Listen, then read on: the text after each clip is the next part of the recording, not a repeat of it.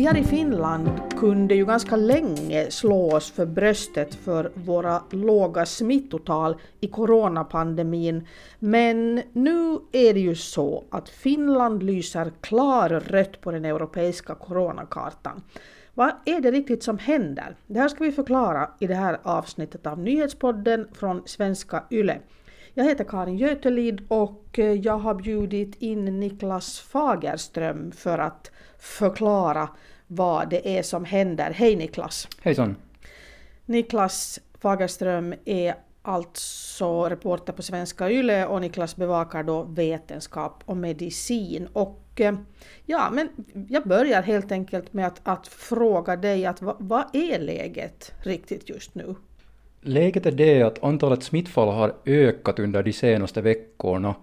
Om man tittar på de två senaste veckorna så har det i medeltal bekräftats ungefär 550 smittfall per dag.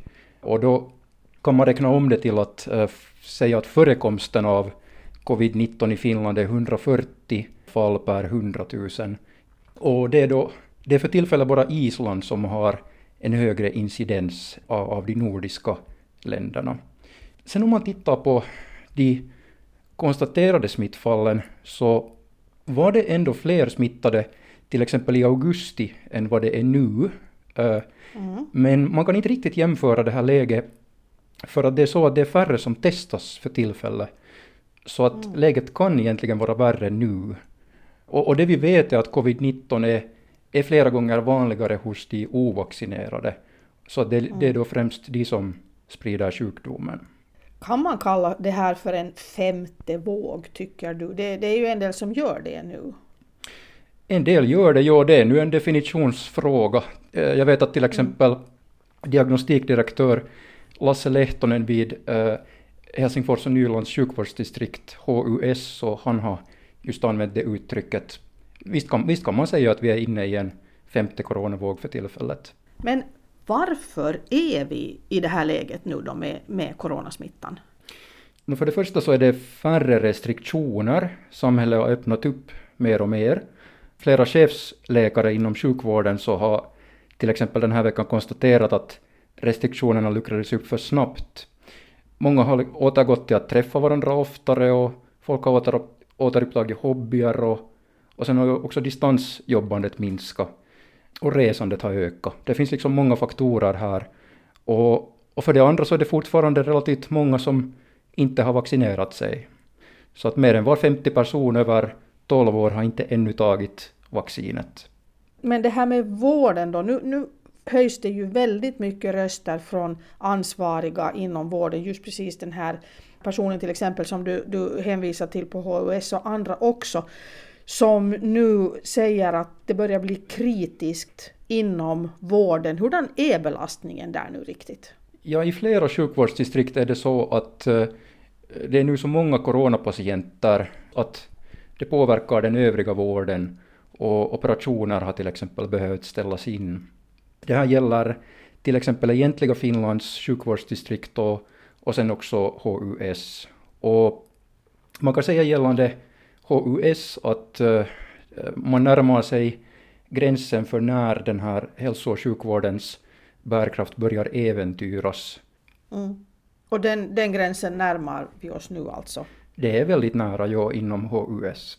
För att läget är nu som det här så är ju debatten nu då i full gång eh, om att återinföra olika former av restriktioner. Nu lever vi ju sådär relativt fritt faktiskt men, eh, men hur sådär rent konkret, är det någonting nytt på gång på restriktionsfronten? Ja, inte ännu. Eh, och man kan ju säga att den här debatten har pågått en tid men den har blivit mer livlig under de senaste dagarna just i och med att man ser det här att eh, vården börjar bli allt mer belastad.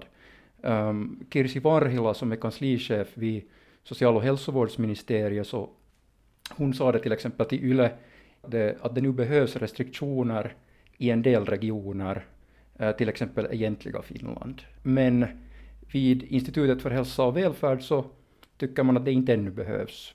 Så det finns lite olika åsikter där.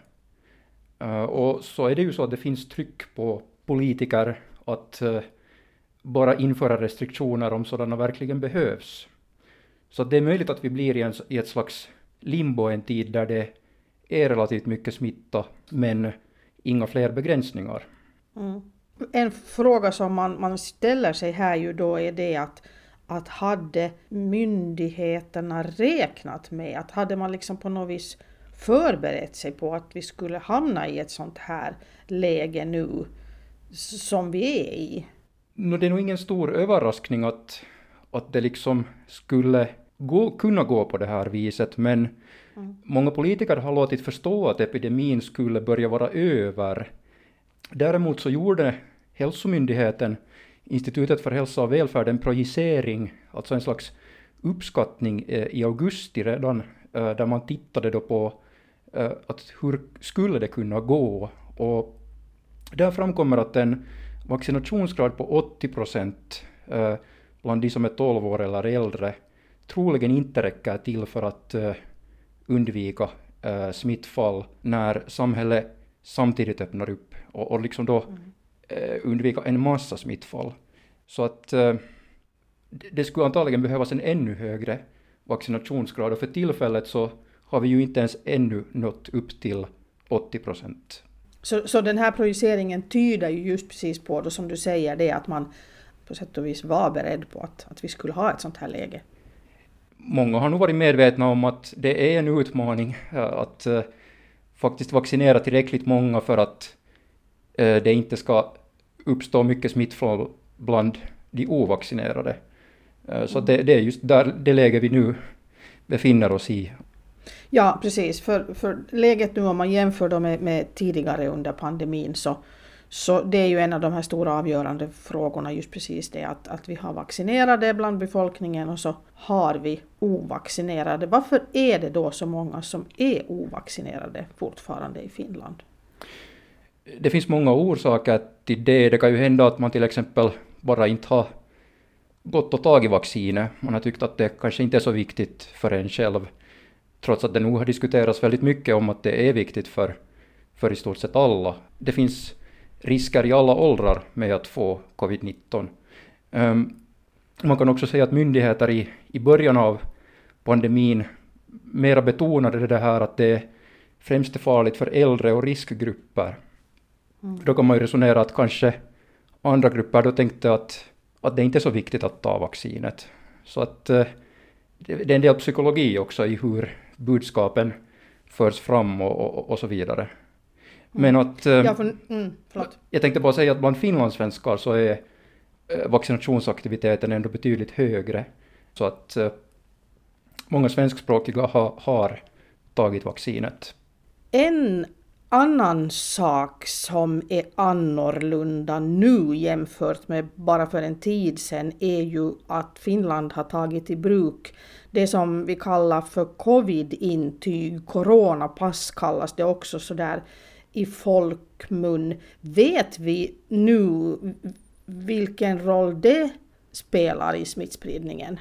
Um, man, har nog, man har redan märkt att eh, införandet av det här covid-intyget har haft en viss positiv effekt i att sporra fler till att ta vaccinet. Det kom sådana indikationer från egentliga Finland här nyligen. Och sen har det förstås också en positiv effekt i att minska smittspridningen när det väl används. Och dessutom på platser där det kan förekomma mycket smittspridning, till exempel på pubbar, nattklubbar och en del evenemang. Men en paradox här är nog det här att uh, covid-intyget enligt lagen inte kan användas så mycket i nuläget, även om det skulle kunna hjälpa till med att kontrollera epidemin. Och, och alltså, det beror på lagstiftningen helt enkelt, att, mm. att det är på det här viset. Att med mer restriktioner så kunde också covid-intyget börja användas mer och det kunde hjälpa till att eh, få epidemin att avta. Så att eh, det är ett lite knepigt läge. Ja precis, för covid-intyget är ju liksom till för att användas just precis när vi har restriktioner så att till exempel restauranger och andra ställen skulle kunna klara sig ändå. Och, och då, då, ja som du säger, covid-intygets betydelse blir först på allvar då liksom betydelsefull samtidigt som vi skulle ha strängare restriktioner. Precis. Och, och så som det är nu så kommer samhället då istället, eh, åtminstone tills vidare, behöva fundera på att hur vi ska se till att sjukvården klarar av den här högre belastningen utan att vi då inför mera restriktioner. Men att det återstår ju att se då att hur, hur det kommer att gå här. Men att eh, till exempel Mikko Pietila som är chefsöverläkare vid egentliga Finlands sjukvårdsdistrikt, så han var rädd för att det här kan bli ett eh, kroniskt problem. Ett kroniskt problem alltså att, att, att vi har så många smittade så att det blir liksom en, en, en långvarig belastning. Det blir en långvarig belastning och, och kanske man då inte inför restriktioner och då får man inte den här smittfallen att, att minska heller, utan det blir ett problem som pågår.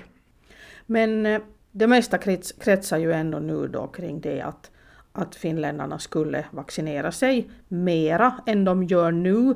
Eh, vi ligger ganska långt ner nu på listan över hur, hur mycket vaccin folk har tagit då man jämför med många andra europeiska länder. Du var lite inne på det här än att 80 procents vaccinationsgrad kanske inte räcker, men vad, hur, hur mycket skulle det behövas då för att, att läget skulle förändras till det bättre? Det är svårt att säga exakt, men uh, Institutet för hälsa och välfärd så de betonade i sin projicering i augusti att om 90 procent skulle vara vaccinerade så kunde man säkrare pressa ner smittfallen och antalet coronapatienter på sjukhus. Ja, och här behöver vi ju förstås tillägga det också att, att det är ju en väldigt stor andel av de som vårdas nu som är, som är väldigt sjuka som är ovaccinerade. Uttryckligen de som inte är vaccinerade som nu upptar de här platserna då på, på, på sjukhusen. Ja, till exempel inom eh, Helsingfors och Nylands sjukvårdsdistrikt så har det på sistone eh, varit 77 procent som har varit ovaccinerade av coronapatienterna på sjukhus. Men det är också egentligen en mätare som lätt kan tolkas fel för att eh, i takt med att fler vaccineras så kan man också räkna med att det blir fler vaccinerade som kan behöva sjukhusvård. Eh, det här betyder inte ändå att vaccinerna skulle vara dåliga. De skyddar utmärkt men inte till 100 procent. Så att eh, det som kanske säger mer då är att eh, ovaccinerade betydligt oftare behöver sjukhusvård jämfört med vaccinerade. Det som också är precis nytt nu är ju då att, eh, att eh, finländska myndigheter har beslutat att folk över 60 ska få en tredje vaccindos nu här snart. Vad, vad kommer det att betyda för situationen? Det kommer att betyda att vi upprätthåller vaccinskyddet eh, bättre. Ehm, det skydd som vaccinet ger så det börjar avta efter cirka sex månader enligt studier. Det är främst det här skyddet mot symptomatisk smitta som det kallas och det är liksom det att man, att man alls blir ens lite sjuk. Skyddet mot allvarlig sjukdom är nog på en väldigt hög nivå ändå men att för säkerhets skull så, så ger man då åt, åt till exempel äldre också nu då föreslår man att eh, äldre alltså ska få det här också. Troligen kommer det att gå på det sättet. Men att hittills är det Institutet för hälsa och välfärd som har rekommenderat det här och det krävs ännu ett eh, politiskt beslut.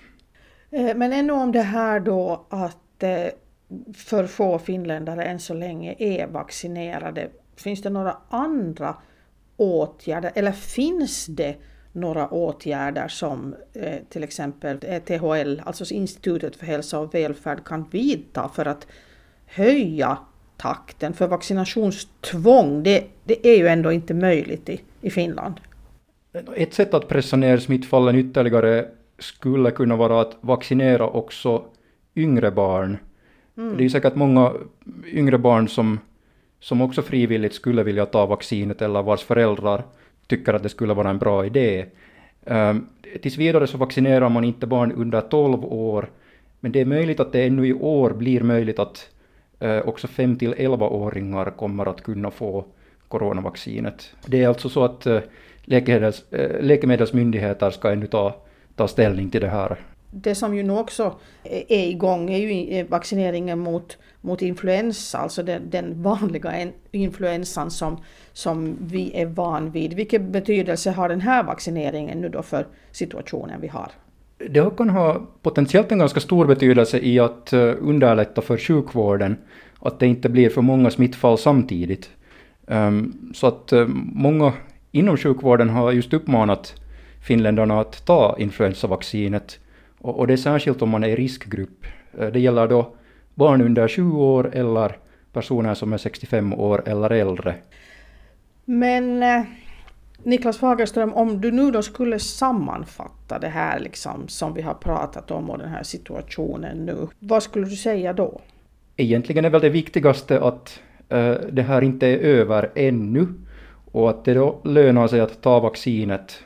Uh, en stor del av den som vägrar vaccinera sig så gör det antagligen för att de tycker att det inte behövs, att de tror kanske att coronaläget går mot det bättre och det finns ju också de förstås som är direkt mot, som direkt motsätter sig vacciner. Det finns det också det förstås. Och så. Mm. Precis. Mm.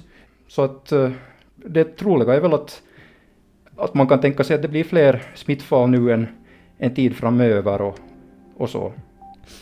Tack för de här förklaringarna och den här analysen Niklas Fagerström. Det här var nyhetspodden från Svenska Yle och jag heter Karin Götelid.